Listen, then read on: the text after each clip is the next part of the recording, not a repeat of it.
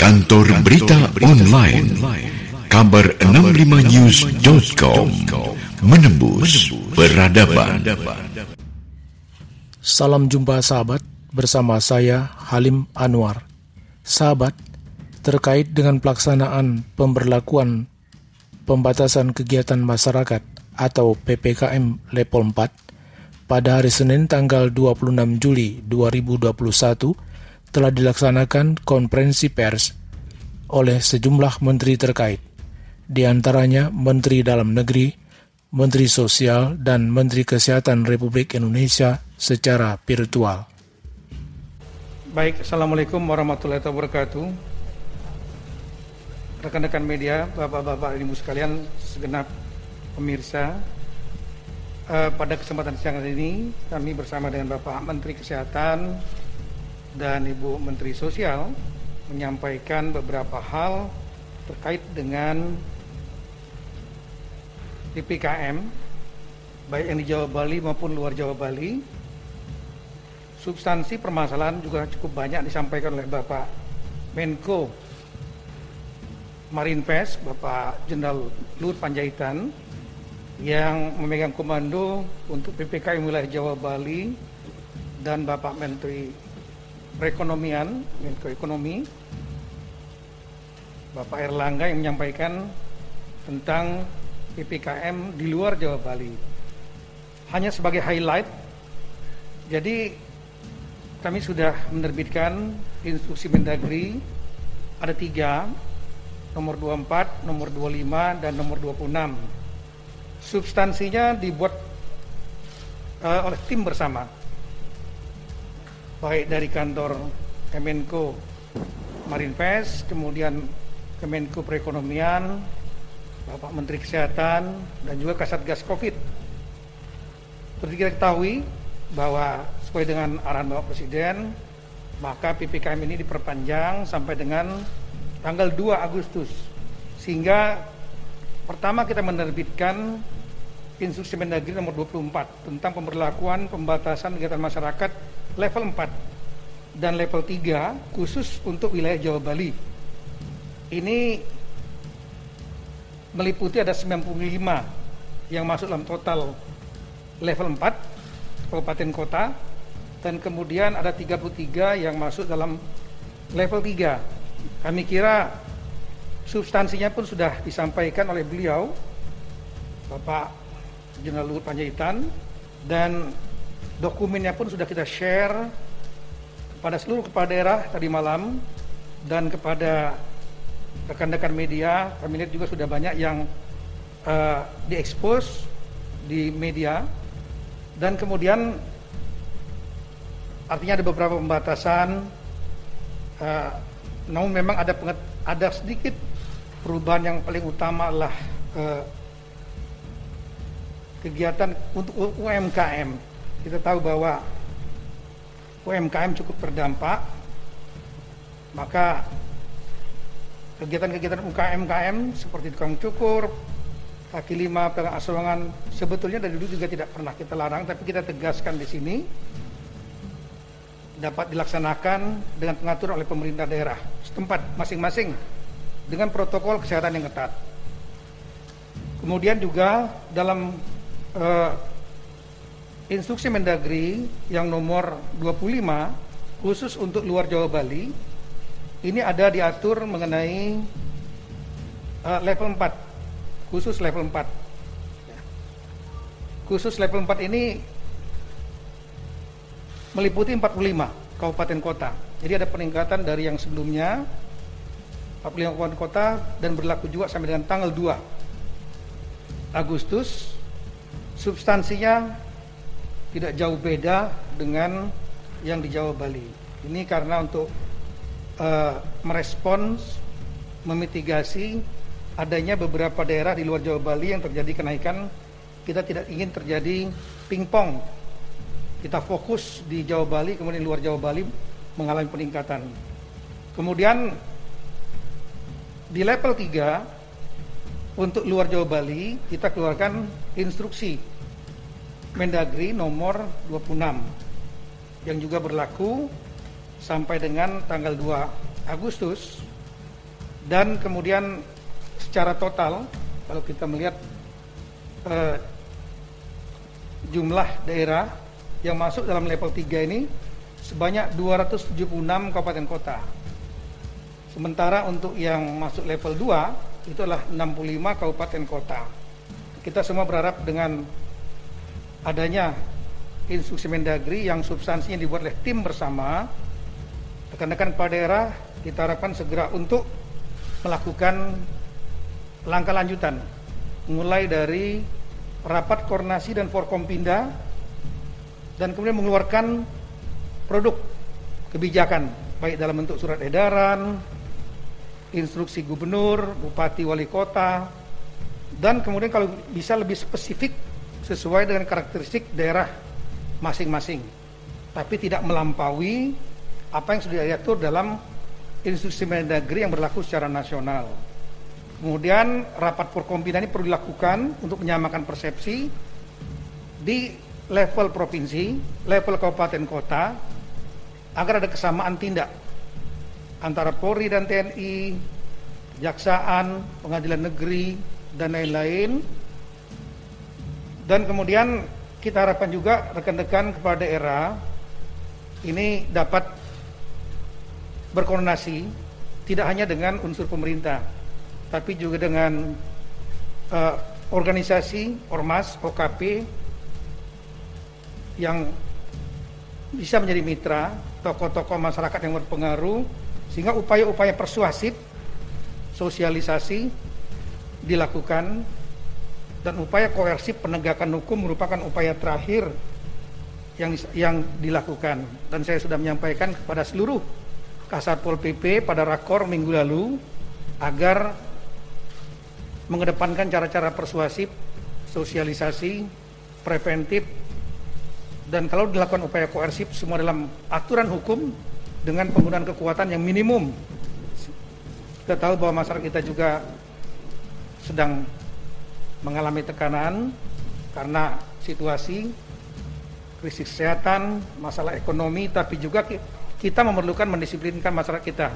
Karena kunci utamanya adalah justru di bagian hulu adalah kedisiplinan masyarakat untuk mematuhi protokol kesehatan. Jadi kita mohon juga kerjasama dari semua pihak, termasuk non pemerintah, tokoh-tokoh masyarakat, ormas OKP, mari kita bekerja bersama-sama agar kebijakan pembatasan ini yang memang tidak enak tapi harus kita lakukan dapat betul-betul efektif.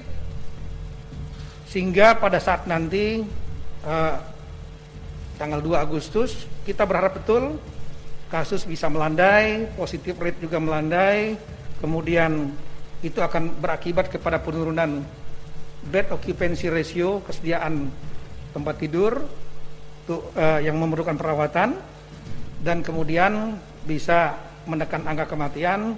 Dengan demikian kita kita berharap kalau ini efektif semua, kita bisa bergerak bersama-sama. Tentu kita harapkan ke depan levelnya akan makin turun lagi sehingga akan membuka ruang bagi kita untuk beraktivitas termasuk aktivitas ekonomi. Untuk selanjutnya kami kira Bapak Menteri Kesehatan akan menyampaikan hal-hal yang berkaitan dengan kebijakan-kebijakan pembatasan ini dan langkah-langkah lanjut yang berkaitan dengan masalah kesehatan. Selanjutnya Ibu Mensos juga akan menyampaikan tentang bantuan sosial. Kami persilakan Bapak Menkes.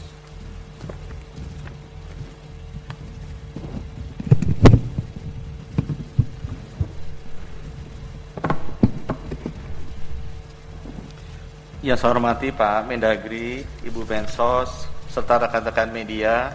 Assalamualaikum warahmatullahi wabarakatuh. Sesuai arahan Bapak Presiden, kami di sini akan menyampaikan beberapa hal yang terkait dengan kesehatan. Yang pertama adalah mengenai obat-obatan. Bapak Ibu, sejak tanggal 1 Juni sampai sekarang telah terjadi lonjakan yang luar biasa dari kebutuhan obat-obatan. Lonjakan itu besarnya sekitar 12 kali lipat.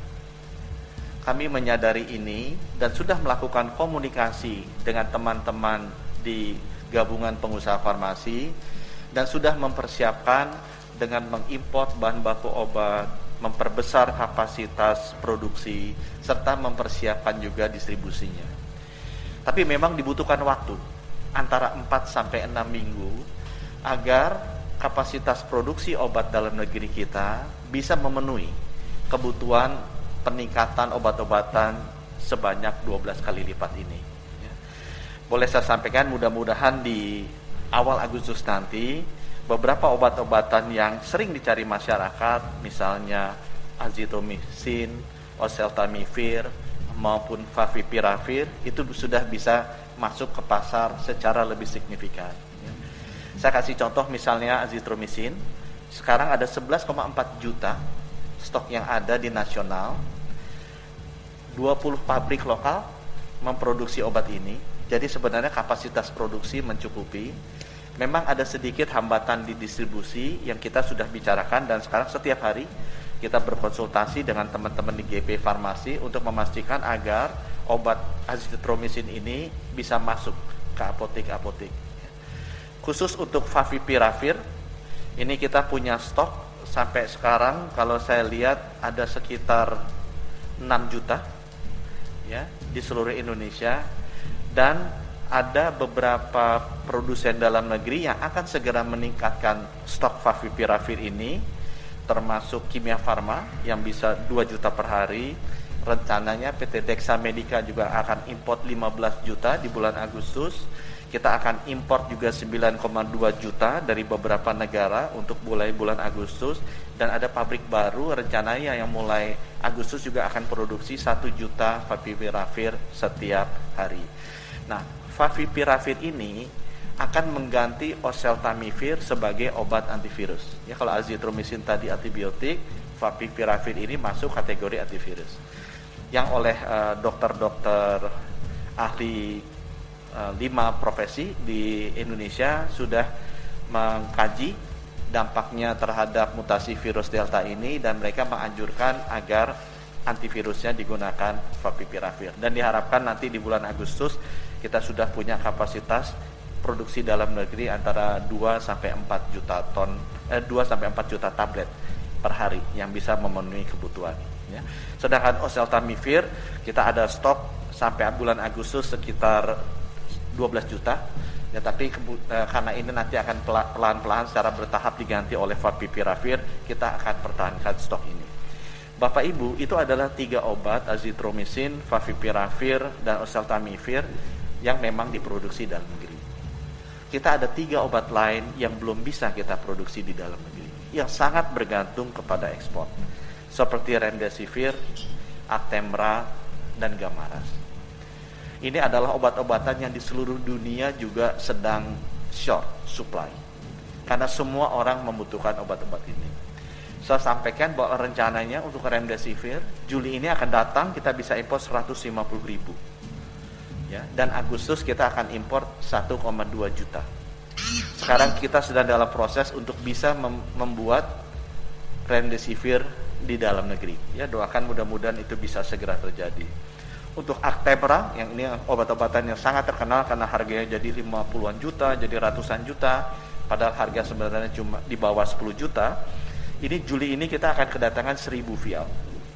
Tapi Agustus kita akan mengimpor 138 ribu dari negara-negara yang mungkin teman-teman tidak membayangkan kita akan impor dari negara-negara tersebut. Kita cari ke seluruh pelosok dunia mengenai Actemra ini.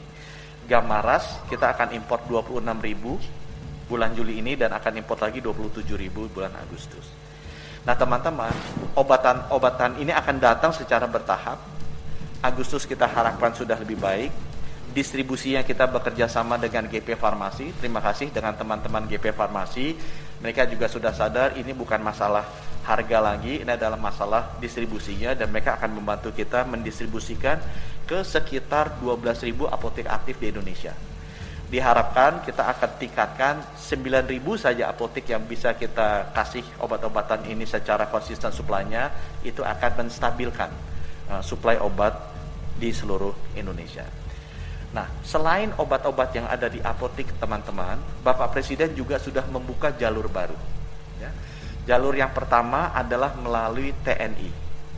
Jadi kalau ada yang terkena positif bisa melapor ke puskesmas, terutama teman-teman rakyat kita yang ada di pelosok-pelosok desa.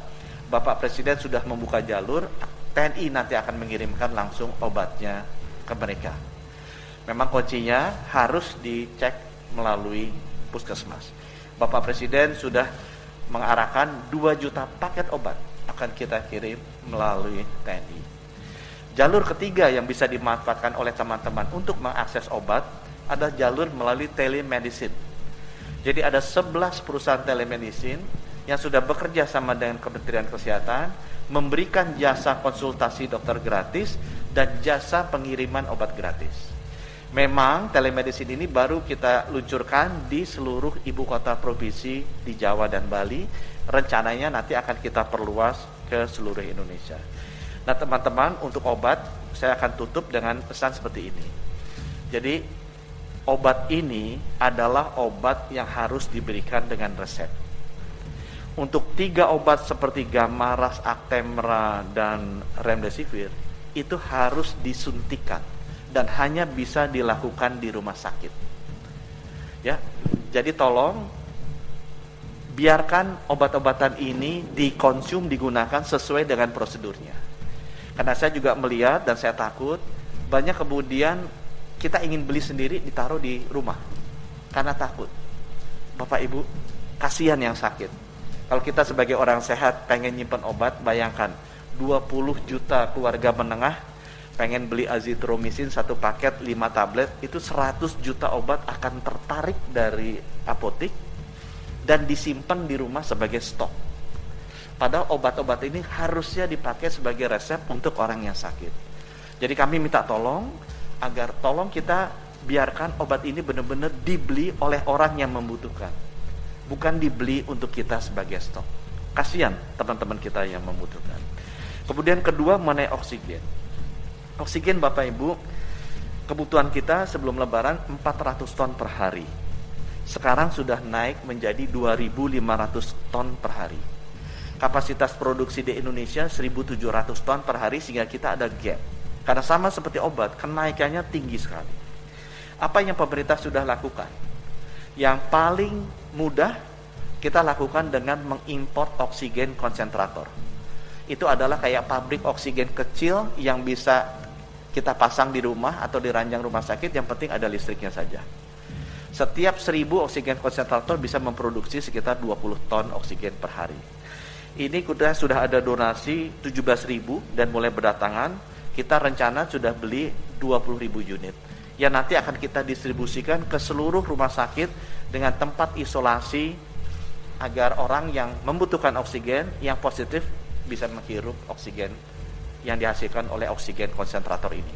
Jadi kita menghilangkan kebutuhan tabung yang besar-besar, kita menghilangkan kebutuhan transportasi logistik yang juga susah, kita juga menghilangkan kebutuhan pabrik-pabrik oksigen besar yang harus kita bangun dengan cepat. Ya.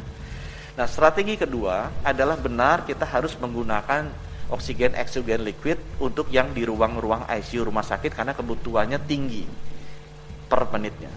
Nah, itu kekurangannya akan kita dapat dengan memanfaatkan extra capacity dari pabrik-pabrik oksigen yang ada di Indonesia maupun extra capacity dari pabrik industri lain yang memproduksi oksigen, misalnya pabrik baja, pabrik smelter, nikel, kemudian juga ada pabrik pupuk. Mereka memproduksi oksigen di dalam negeri, itu yang nanti akan kita tarik dan kita akan distribusikan ke seluruh provinsi. Ya sekali lagi mudah-mudahan uh, oksigen ini bisa kita distribusikan ke seluruh rumah sakit yang ada. Dan Bapak Ibu, saya mengucapkan terima kasih di sini karena banyak organisasi-organisasi sosial yang banyak juga negara-negara tetangga yang sudah membantu Indonesia untuk mengadakan oksigen ini. Yang ketiga mengenai vaksinasi. Bapak Ibu pasti banyak yang tanya. Vaksinasi kita sampai bulan Juni sudah terima 70 juta dosis. Kita sudah suntikan sekarang sekitar 60 juta dosis. Ya, kalau ditanya kenapa tidak bisa lebih cepat lagi? Karena memang jumlah vaksinnya cuma segitu. Ya. Kita di bulan Juli ini akan datang tiga, hampir 30 juta dosis dan insya Allah Agustus 45 juta dosis. Tapi angka ini setiap hari berubah, Bapak Ibu. Setiap hari berubah. Saya memahami banyak semua daerah sekarang sudah semangat untuk menyuntikkan vaksin, kita akan berusaha memenuhinya. Ya. Sampai sekarang sampai akhir bulan Juli akan datang sekitar 8 juta vaksin Sinovac dan 4 juta vaksin AstraZeneca. Jadi 12 juta akan datang tuh. Mulai tanggal 25 sampai tanggal 31. Itu nanti akan kita kirimkan. Di bulan Agustus kita akan kedatangan sekitar 45 juta vaksin terdiri dari Sinovac, AstraZeneca, Moderna maupun juga Pfizer itu mudah-mudahan akan kita kirim. Nah, dari dari sekarang sampai nanti vaksinnya datang tanggal 25, nah itu kita sabar sedikit ya. Kita juga masih ada stok vaksinnya di masing-masing uh, provinsi dan ibu kota. Nah, yang sudah kita suntikan sekarang 63 juta, 44,9 juta rakyat Indonesia sudah suntik pertama dan 18,3 juta sudah suntik kedua. Ya. Dan kita memberikan prioritas vaksinasi ini berbasis resiko. Itu yang saya titip ke teman-teman di masyarakat. Berbasis resiko artinya apa? Ya, provinsi-provinsi yang kasus aktifnya tinggi akan kita berikan lebih banyak. Ya. Siapa yang tinggi? Yang tinggi itu ya Banten, DKI, Jawa Barat, Jawa Tengah, Jogja, Surabaya, Jawa Timur. Itu yang paling tinggi dan Bali. Ya karena kemungkinan terkenanya juga banyak, masuk rumah sakitnya banyak dan nyawa wafatnya juga paling banyak. Nah, provinsi-provinsi itu otomatis Bapak Ibu akan mendapatkan prioritas. Kita juga akan memprioritaskan orang-orang yang resiko tinggi. Siapa? Orang yang usianya lanjut. Orang yang punya komorbid. Walaupun komorbid itu biasa di atas 50 kayak saya ini udah pasti punya komorbid. Itu yang harus kita utamakan. Bukan artinya kita tidak mau suntik yang lain, tapi kalau kita lihat yang wafat di rumah sakit itu adalah orang-orang seperti ini. Nah, kita lindungi mereka dahulu. Ya kita berikan mereka ke sana. Mudah-mudahan itu bisa menjelaskan juga ke teman-teman kenapa pembagian vaksinasi seperti itu. Hal ketiga yang saya ingin sampaikan adalah mengenai rumah sakit. Ya. Bapak Ibu, kapasitas rumah sakit kita seluruh Indonesia ada 430 ribu. Ya sekarang sudah sekitar 92 ribu sekitar minggu lalu itu sudah diisi dengan COVID. Ya dari 400 ribu. Alhamdulillah sekarang sudah turun ke 82 ribu. Jadi kita masih ada terutama turunnya di daerah Jakarta. Saya memahami bahwa ada di beberapa daerah yang lagi naik. Jadi Jakarta saya lihat sudah turun, Jawa Barat sudah turun. Tapi beberapa daerah saya melihat Jogja masih naik, Bali juga masih naik sedikit dan mulai di luar Jawa. Pesan kami terhadap seluruh rumah sakit, jangan hanya dilihat dari bor. Karena bor itu belum menggambarkan secara lengkap kapasitas rumah sakit Aku kasih contoh salah satu provinsi bornya sudah 90 persen. Rumah uh, tempat tidur dipakai COVID 2000. Jadi 90 persen kira-kira 1800 sudah diisi. Sudah panik. Sebenarnya tidak perlu. Karena kalau kita lihat tempat tidurnya total ada 8000. Nah, kan kita bisa tambah dari 2000 jadi 4000. Langsung bornya turun ke 50 persen. Ya. Jadi tolong jangan hanya dilihat dari bor, jadi total tempat tidur di rumah sakit di kota atau provinsi itu berapa?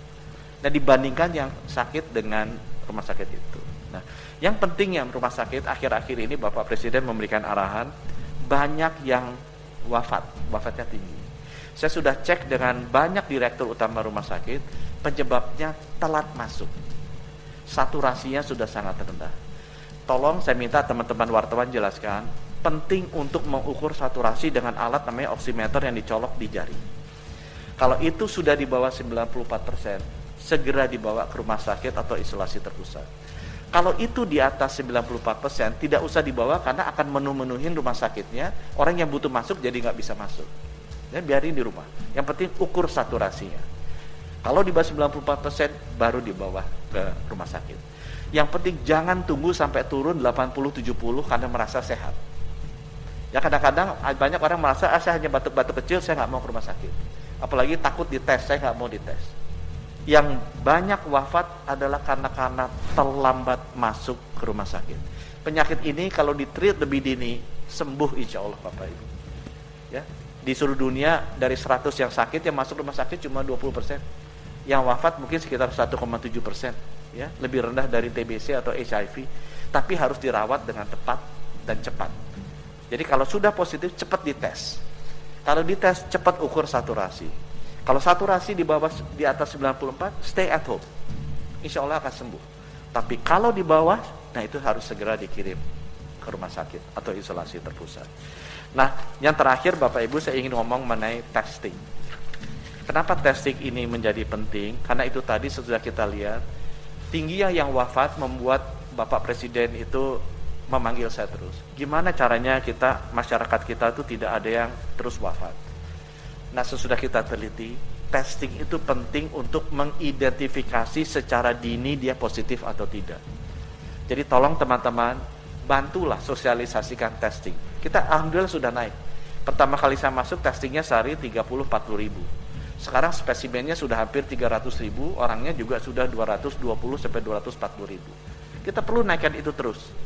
Supaya kita tahu kalau ada saudara-saudara kita yang kena, dan kita bisa ukur oximeternya, apakah memang perlu dirawat atau tidak lebih dini. Ya, jadi testing ini jangan ditakuti, jangan dicemasi, jangan dihindari, tapi cepat dilakukan. Kalau ada gejala apalagi ya, supaya benar-benar kita bisa melindungi rekan-rekan kita.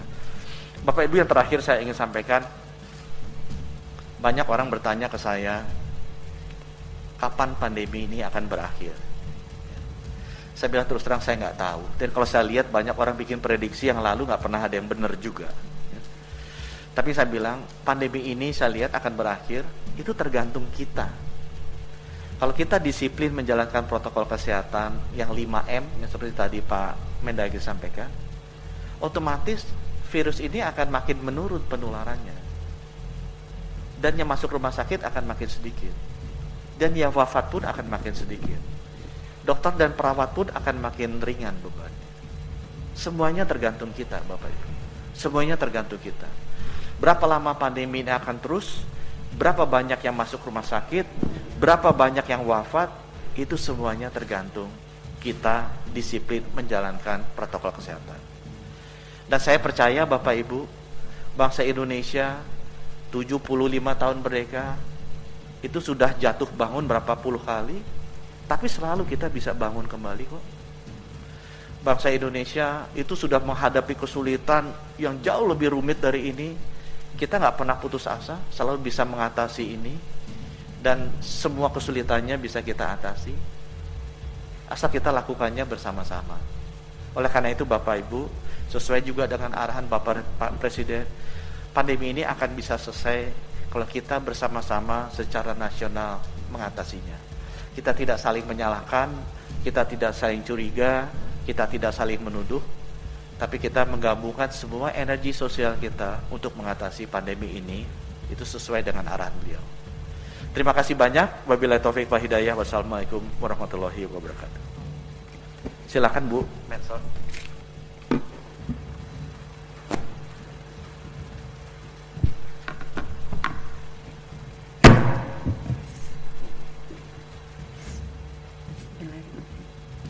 Assalamualaikum warahmatullahi wabarakatuh.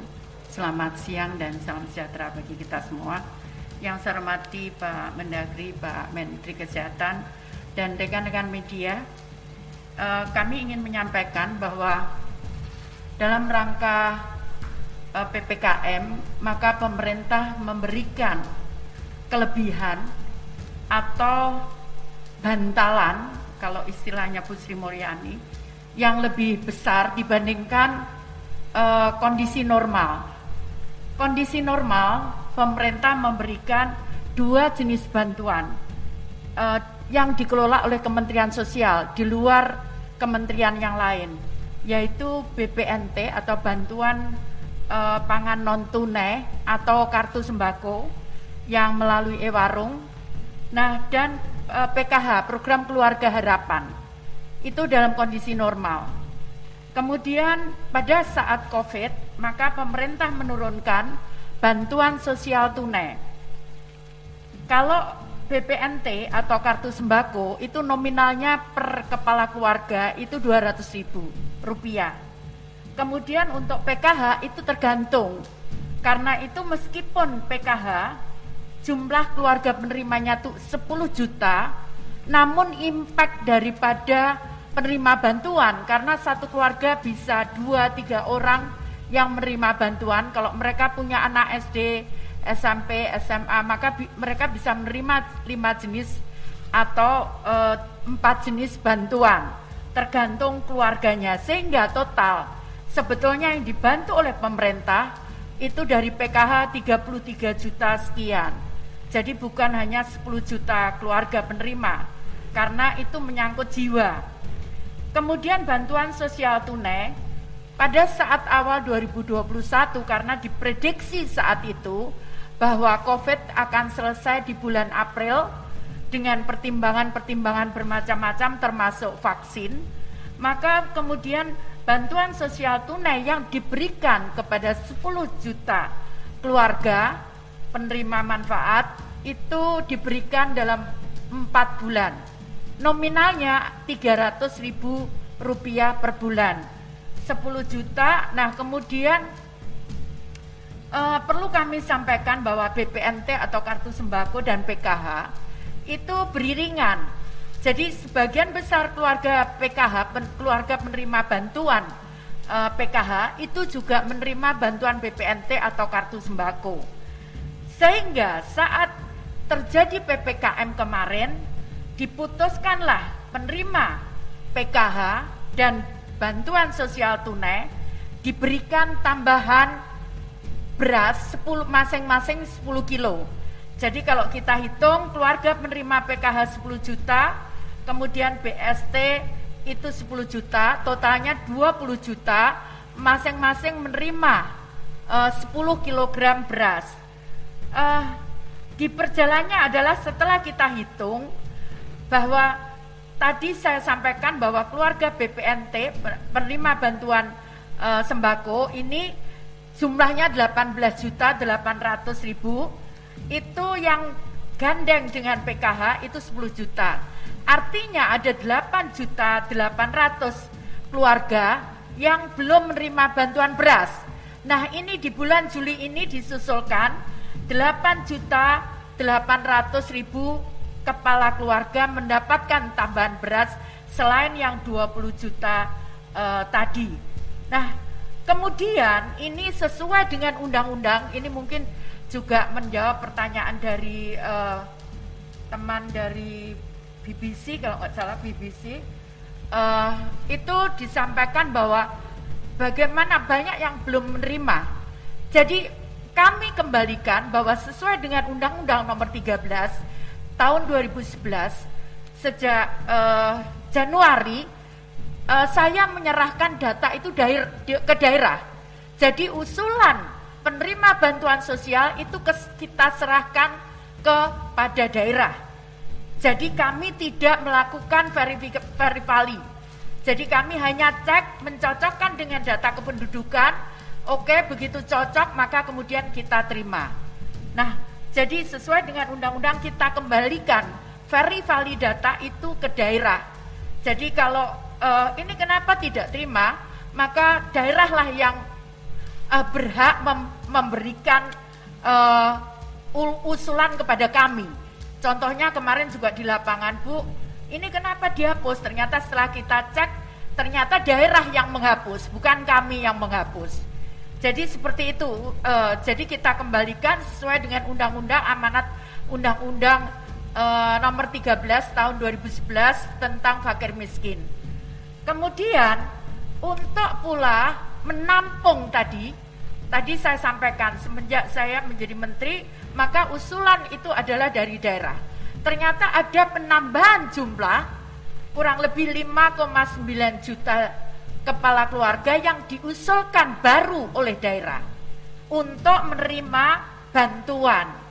Nah, 5,9 juta ini juga kami usulkan kepada uh, Kementerian Keuangan untuk mendapatkan bantuan sebesar 200 ribu per bulan.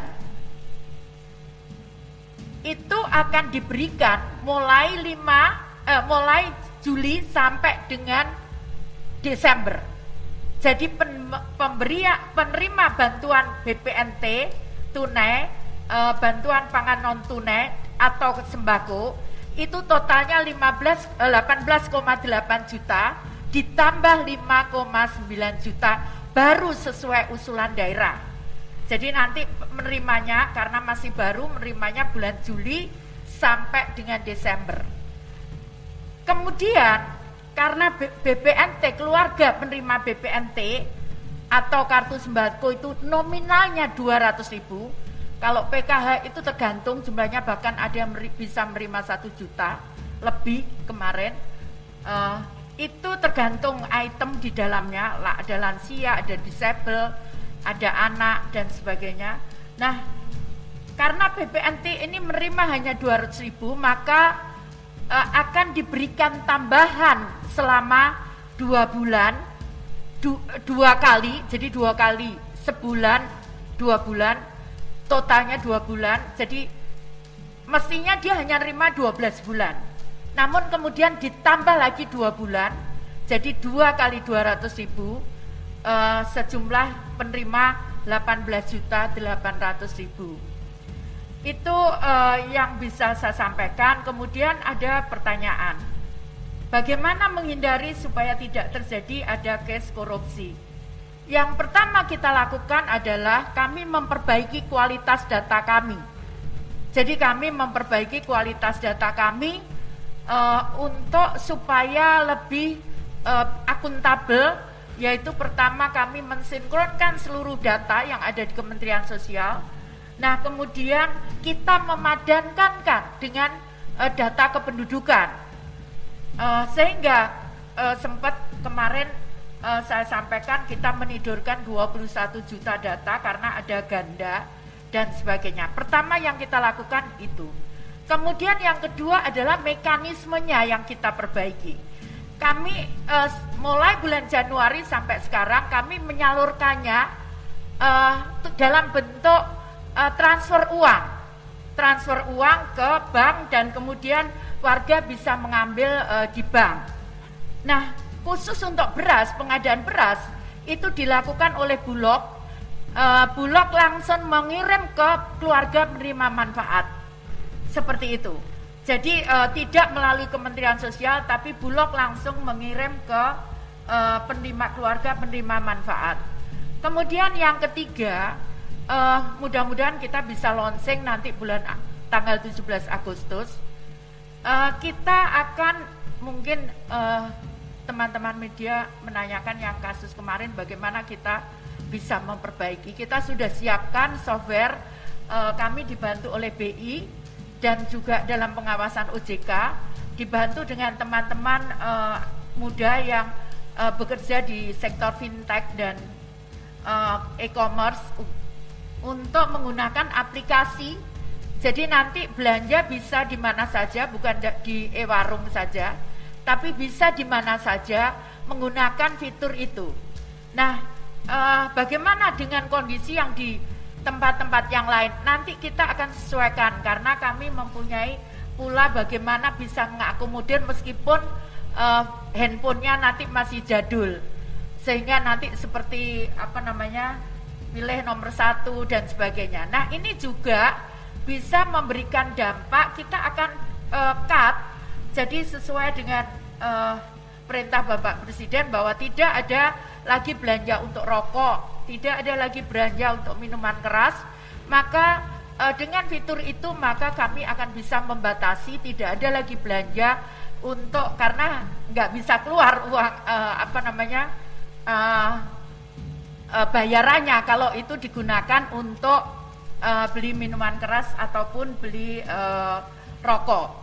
Jadi seperti itu fitur yang akan kita buat.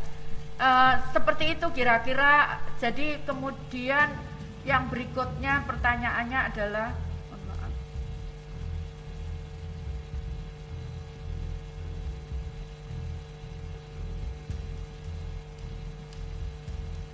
Ya, tadi yang saya sampaikan untuk data karena kami menerima usulannya dari pemerintah daerah.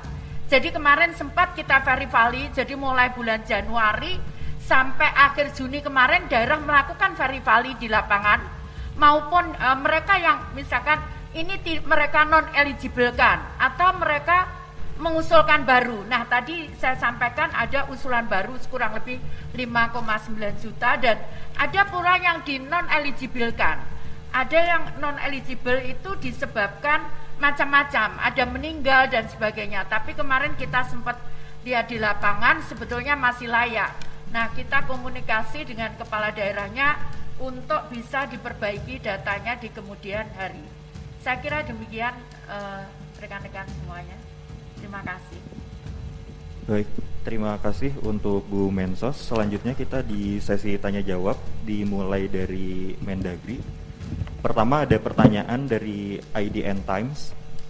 Silakan untuk mengajukan pertanyaannya. Saya kira saya sudah dapat pertanyaannya, saya langsung jawab saja untuk bersingkat waktu. Setelah nanti saya jawab semua ini nanti mungkin Bapak Menkes juga menggunakan pola yang sama. Tadi Bu Pensos sudah langsung beliau menjelaskan sekaligus menjawab pertanyaan-pertanyaan yang sudah diterima sebelumnya. Yang pertama dari IDN Times terkait dengan aturan dine-in 20 menit. Kita tahu bahwa seperti warung dan lain-lain UMKM itu warung Tegal misalnya dapat laksanakan dine in dengan batasan tiga orang maksimal kemudian 20 menit 30 menit. Bagaimana untuk memastikan bahwa masyarakat melaksanakan itu? Nah ini ini masalah eksekusi itu kan kebijakan eksekusinya tentu kita sangat berharap kepada para penegak uh, aturan tersebut mulai dari pemerintah daerah, Satpol PP, kemudian didukung oleh rekan-rekan Polri dan TNI serta pelaku usahanya sendiri. Dan juga sekaligus pada masyarakat. Jadi memang ada tiga pihak yang penting untuk bisa efektifnya berlaku aturan ini. Yang pertama dari masyarakat sendiri, nah melalui forum ini saya kira tolong masyarakat juga bisa memahami kenapa perlu ada batas waktu tersebut prinsipnya saya kira 20 menit cukup bagi kita untuk makan di satu tempat. Dan itu pun sudah ada dalam PPKM instruksi Mendagri upayakan tidak apa uh, membuat aksi atau apa kegiatan yang membuat terjadinya droplet aerosol bertebaran seperti ngobrol keras, tertawa keras. Mungkin kedengarannya lucu, tapi di luar negeri, di beberapa negara lain sudah lama diberlakukan itu. Jadi makan tanpa banyak bicara dan kemudian 20 menit cukup. Setelah itu memberikan giliran kepada anggota masyarakat yang lain. Nah ini para pelaku usaha juga tolong bisa memahami itu. Kenapa waktunya pendek untuk memberikan waktu yang lain supaya tidak terjadi pengumpulan di rumah makan itu. Kalau banyak ngobrol, tertawa, kemudian sambil apa e, berbincang-bincang itu rawan penularan.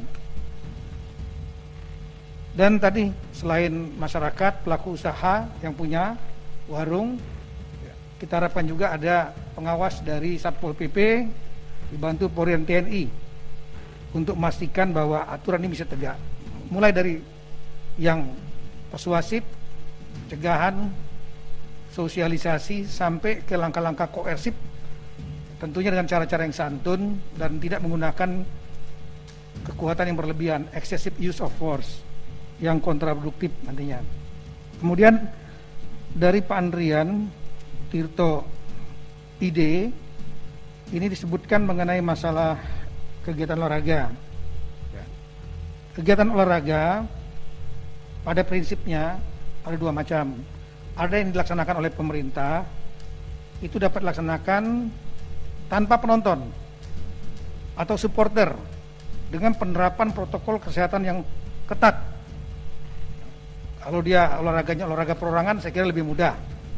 Tapi kalau olahraga olahraga yang kelompok sebelumnya ya lakukan protokol dulu. Di PCR dulu atlet-atletnya. Kemudian tidak ada penonton sekali lagi, terutama yang di level 4 ini. Tidak ada penonton, tidak ada uh, supporter Kemudian kedua adalah kegiatan yang mandiri atau individual. Kita tetap harus menjaga kesehatan, salah satunya lah dengan berolahraga. Sepanjang olahraga itu tidak ada penonton, tidak ada supporter, menerapkan protokol kesehatan ketat, jumlahnya terbatas, misalnya kita ingin main badminton, main tenis meja di kampung yang apa cuma tiga empat orang otomatis kalau dengan protokol kesehatan yang ketat ini diperbolehkan. Untuk menjaga juga sekali lagi keprimaan fisik yang prima supaya imunitasnya baik untuk merilis melepaskan stres juga olahraga penting. Tenis misalnya mau main tenis di tempat yang tertutup artinya di enclave di apa di lingkungan masing-masing di kantor itu ada misalnya atau di kompleks ada lapangan tenis. Ya otomatis main 4 5 orang 6 orang asal jaga protokol kesehatan dapat dilaksanakan. Yang tidak boleh dalam bentuk besar kerumunan apa pun kerumunan apa pun juga termasuk kerumunan olahraga yang rawan penularan. Ada penonton itu pasti akan susah. Kalau ada supporter apalagi akan susah diatur. Seperti pertandingan sepak bola di kampung rame-rame di level 4 ya jelas enggak boleh.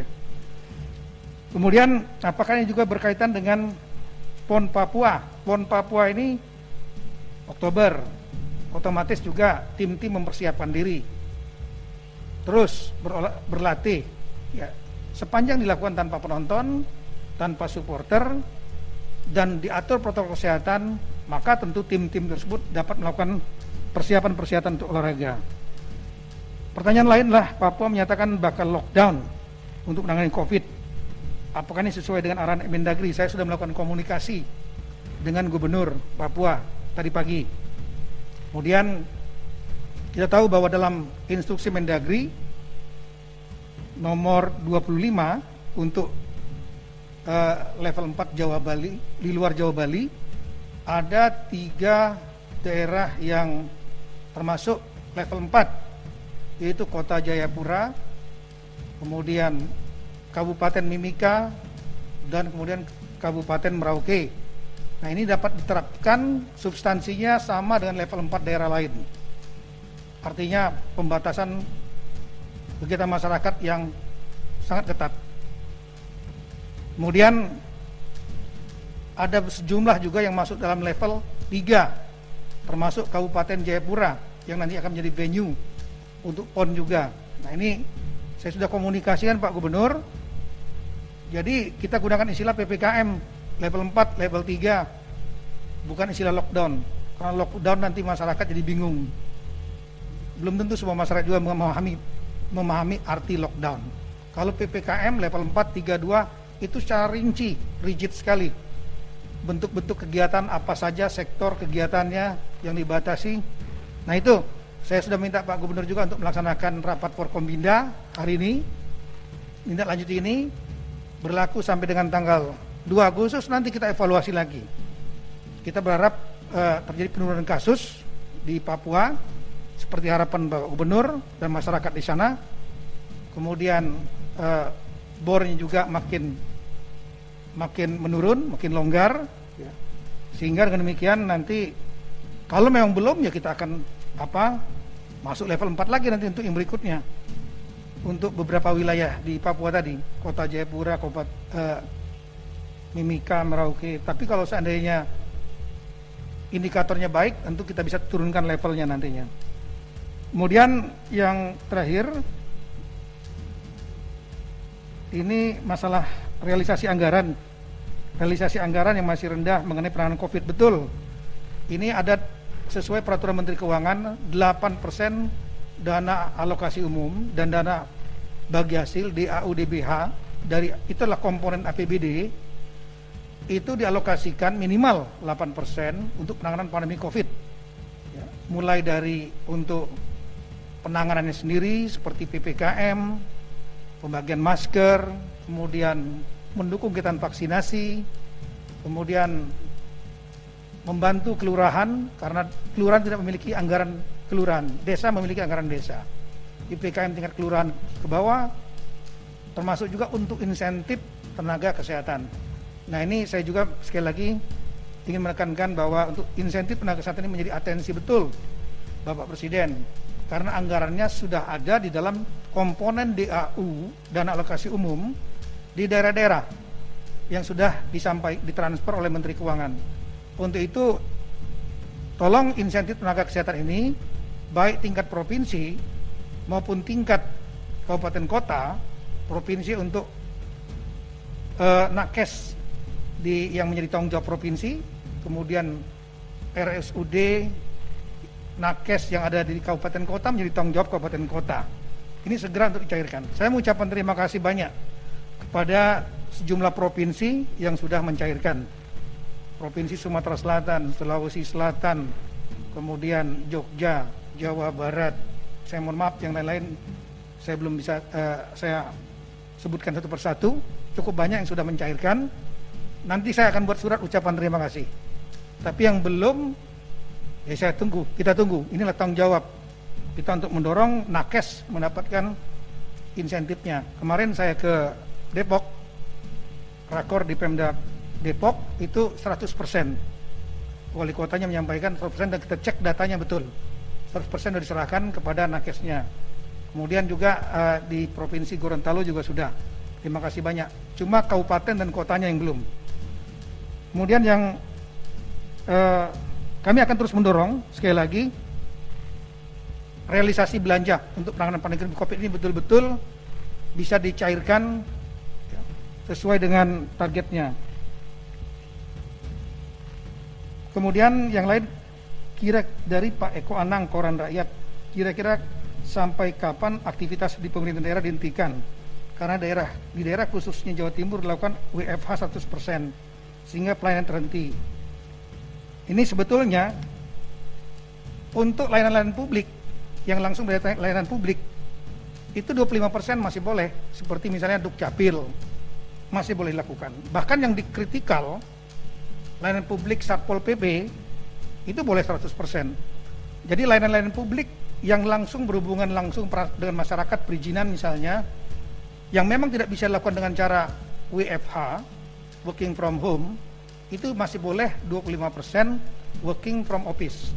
Tapi sekali lagi untuk layanan-layanan yang langsung tidak bisa tergantikan harus secara fisik dilakukan yang bisa semaksimal mungkin dilakukan dengan cara-cara daring, otomatis kita dorong supaya working uh, from home makin banyak makin baik.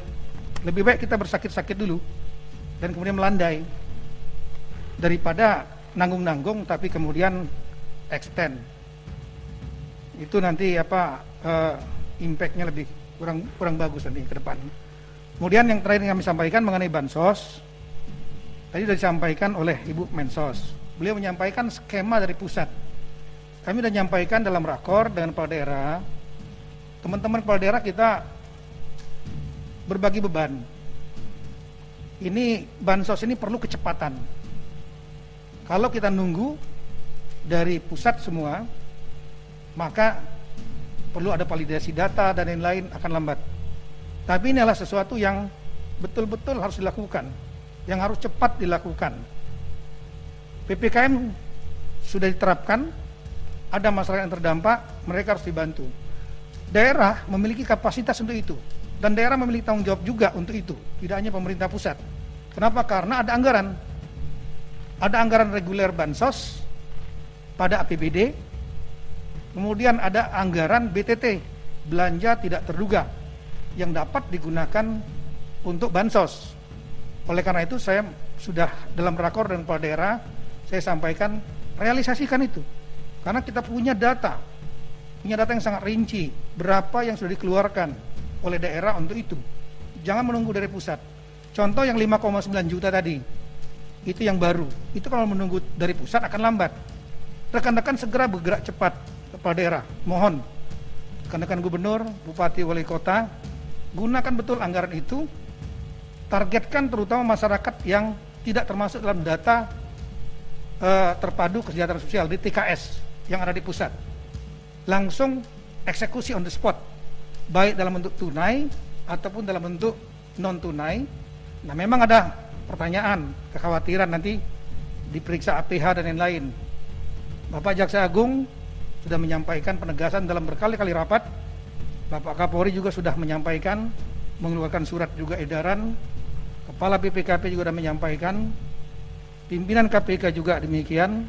Nah, oleh karena itu, teknis yang di lapangan, rekan-rekan kepala daerah begitu akan membagikan bansosnya, buat daftarnya, bila perlu buat berita acaranya, kemudian duduk bersama dengan Kapolres, dengan Kajari, bila perlu tanda tangani sama-sama. Tanda tangani sama-sama berita acaranya, sehingga rekan-rekan merasa aman nantinya ke depan. Dan yang paling akhir, khusus bansos ini saya minta betul kepada rekan-rekan kepala daerah, tolong secara simbolik turun ke lapangan.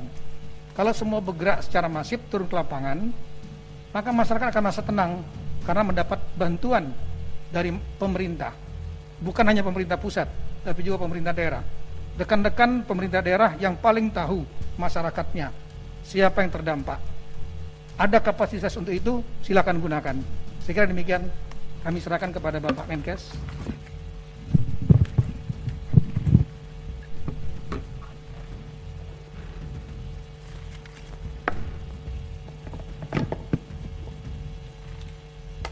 Terima, terima kasih. Saya juga menerima beberapa pertanyaan. Yang pertama adalah pertanyaan mengenai terkait testing. Target 400 ribu per hari dan prioritas untuk wilayah padat penduduk. Kapan program ini akan mulai? Karena selama minggu terakhir ini kasus COVID menurun karena testing menurun. Jadi saya sampaikan Pak Menko Marinvest sudah mencanangkan bahwa program testing dan tracing yang nanti akan dipimpin oleh Bapak Panglima TNI akan mulai minggu ini. Ya, jadi program testing yang berkaitan dengan tracing akan dimulai minggu ini. Pertanyaan bahwa oh, minggu-minggu terakhir COVID turun, saya mesti jelaskan ke teman-teman, setiap hari libur dan sehari sesudahnya testing pasti turun ya. Kalau kita lihat 40 minggu terakhir, 50 minggu terakhir polanya begitu. Jadi kalau kemudian hari Jumat tinggi, satu turun, tidak usah panik. Ya karena pasti turun, hari Minggu pasti turun, Seninnya juga karena minggunya libur nggak banyak orang cek pasti turun, nanti naik lagi. Saran saya teman-teman lihat siklus mingguan. Saya sudah minta ke teman-teman di Kementerian Kesehatan kita tiru saja WHO WHO juga tahu bahwa testing itu berfluktuasi. Mereka menampilkan data testing selalu rata-rata tujuh hari. Ya, karena itu yang paling benar. Karena ada itu tadi, ada saat-saat di mana kita libur. Kebetulan kan minggu lalu ada libur Idul, Idul Adha. Jadi kelihatan turun. Habis itu naik lagi. Jadi begitu rame kenapa dibilang turun ternyata angkanya naik lagi. Itu tadi karena libur. Ya. Kemudian pertanyaan dua soal, soal target vaksinasi. Banyak daerah lambat proses vaksinnya karena stok vaksin. Berapa sih stok vaksinnya tersisa? Kenapa distribusinya lambat? Vaksin yang sudah sampai di Kementerian Kesehatan sekarang ada 85 juta dosis per kemarin. Sudah disuntikan per hari ini 63 juta dosis. Jadi ada di stok pusat dan di provinsi kabupaten kota sekitar 22 juta dosis itu stok berapa lama? Kira-kira stok nggak sampai satu bulan. Ya. Kalau saya merasa stok itu sebenarnya sudah stretch karena produksi vaksinnya kita tuh satu setengah bulan. Jadi teman-teman kalau dengar ada 132 vaksin datang, itu dalam bentuk bahan baku.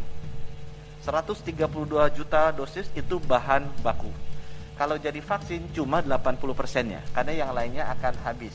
Jadi sekitar jadi vaksin jadinya sekitar 105 juta cuma jadinya satu setengah bulan sejak bahan bakunya datang itu sebabnya kenapa kok kita sekarang baru ada 85 juta karena sisanya 20 juta, 20 juta masih dalam proses di pabrik sedang dibikin sedang di quality assurance kemudian nanti disertifikasi baru kita dapat bertahap setiap minggu ya demikian uh, pertanyaannya kemudian ditanya lagi oleh Friska Clarissa Kompas semua epidemiolog mengingatkan bahwa PPKM harus diimbangi dengan testing dan tracing merata. Apa yang sudah dilakukan pemerataan testing di seluruh daerah di Jawa Bali. Sudah kita lakukan memang, sekarang kita sudah mapping seluruh lab yang ada di Jawa Bali. Kita ada sekitar 720 lab yang ada di Jawa Bali, kita sudah map, kita lihat kapasitasnya dan kita akan memastikan mereka memiliki produktivitas yang sama agar bisa melayani jumlah testing dan tracing yang cukup sesuai dengan populasinya. Karena minggu ini sesuai dengan arahan Pak Menko Marinvest itu akan mulai. Kemudian ada juga pertanyaan berikutnya dari Tirto ID. Surat edaran yang baru mengenai penggunaan rapid antigen. Apakah boleh digunakan? Rapid antigen sejak 3-4 bulan sebelumnya memang boleh digunakan. Tapi waktu itu ada kriterianya. Kalau akses ke PCR-nya lebih dari 24 jam. Jadi dibagi kriteria A, B, C. Agak rumit implementasinya di lapangan. Jadi sekarang kita sudah tentukan semua yang masuk PPKM level 4 itu kriterianya B. Arti kriteria B apa? Swab antigen bisa dipakai untuk alat resmi deteksi positif. Karena cepat. Sehingga yang bersangkutan bisa langsung masuk ke isolasi terpusat atau masuk ke rumah sakit dan dirawat. Karena seperti yang saya sampaikan tadi, banyak yang meninggal karena telat masuknya. Karena telat masuknya. Sehingga dengan demikian diharapkan kita bisa lebih cepat identifikasi teman-teman kita kalau ada yang kena. Di sana juga ditanyakan pertanyaan kedua, kontak eratnya sekarang kok berubah? Karena memang sebelumnya definisi kontak erat kita bilang adalah orang yang sudah bersinggungan yang bersangkutan dalam dua minggu terakhir selama lebih dari 15 menit. Itu dipraktek di lapangan susah. Jadi ya udah definisi kontak erat kita bilang orang yang satu rumah. Nah, itu kan jadi lebih mudah kata saya. Orang yang satu kantor lebih mudah juga. Orang yang pernah satu mobil atau makan bersama itu lebih mudah. Jadi uh, narasinya saja yang diubah. Prinsipnya sama secara teknis, tapi narasinya kita ubah. Jadi jangan dibilang orang yang ketemu kita dalam dua minggu terakhir 15 menit, oh susah ngukur ya. Udahlah, orang satu rumah, orang satu kantor, orang yang pernah makan, orang yang pernah satu mobil, gitu ya. Kemudian pertanyaan berikutnya, terakhir nih, kasus pasien COVID meninggal saat isoman makin banyak. Ada yang kritik bahwa pemerintah tidak melakukan tracing serta monitoring apabila mengacu ada pasien yang meninggal saat isoman. Bagaimana responsnya? Saya sedih, memang saya juga mendapat banyak masukan, banyak yang isoman meninggal. Nah, penyebabnya banyak. Bukan hanya tidak diterima di rumah sakit, tapi rupanya kalau orang yang sakit di banyak daerah itu masih dilihat sebagai orang yang apa ya? ternoda, orang terhukum, orang yang tidak baik perilakunya jadi kasihan orang-orang ini. Orang-orang ini tidak mau dites, tidak mau lapor karena dia ada beban sosialnya. Orang karena itu teman-teman, khususnya para, para wartawan, sakit COVID ini bukan sakit, sakit seperti mohon maaf sakit apa? Penyakit kulit bukan aib gitu, betul. Ini bukan aib. Justru kalau saudara kita sakit itu mesti kita bantu. Jangan kemudian diaibkan.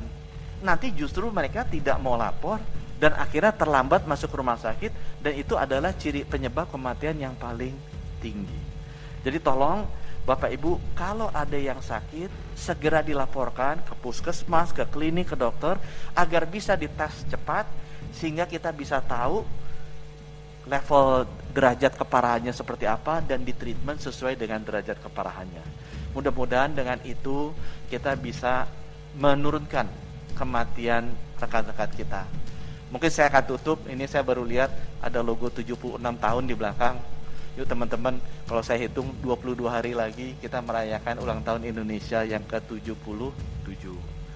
Yuk kita berikan hadiah bersama-sama dengan melaksanakan protokol kesehatan Diri kita sendiri, kalau kita bisa melaksanakan, itu bisa mengurangi resiko penularan diri kita, keluarga kita, tetangga kita, dan seluruh rakyat Indonesia dan saya rasa itu adalah hadiah terbaik bagi bangsa dan negara kita di ulang tahunnya 22 hari lagi nanti.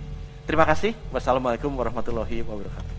Kantor Berita Online kabar 65news.com menembus peradaban.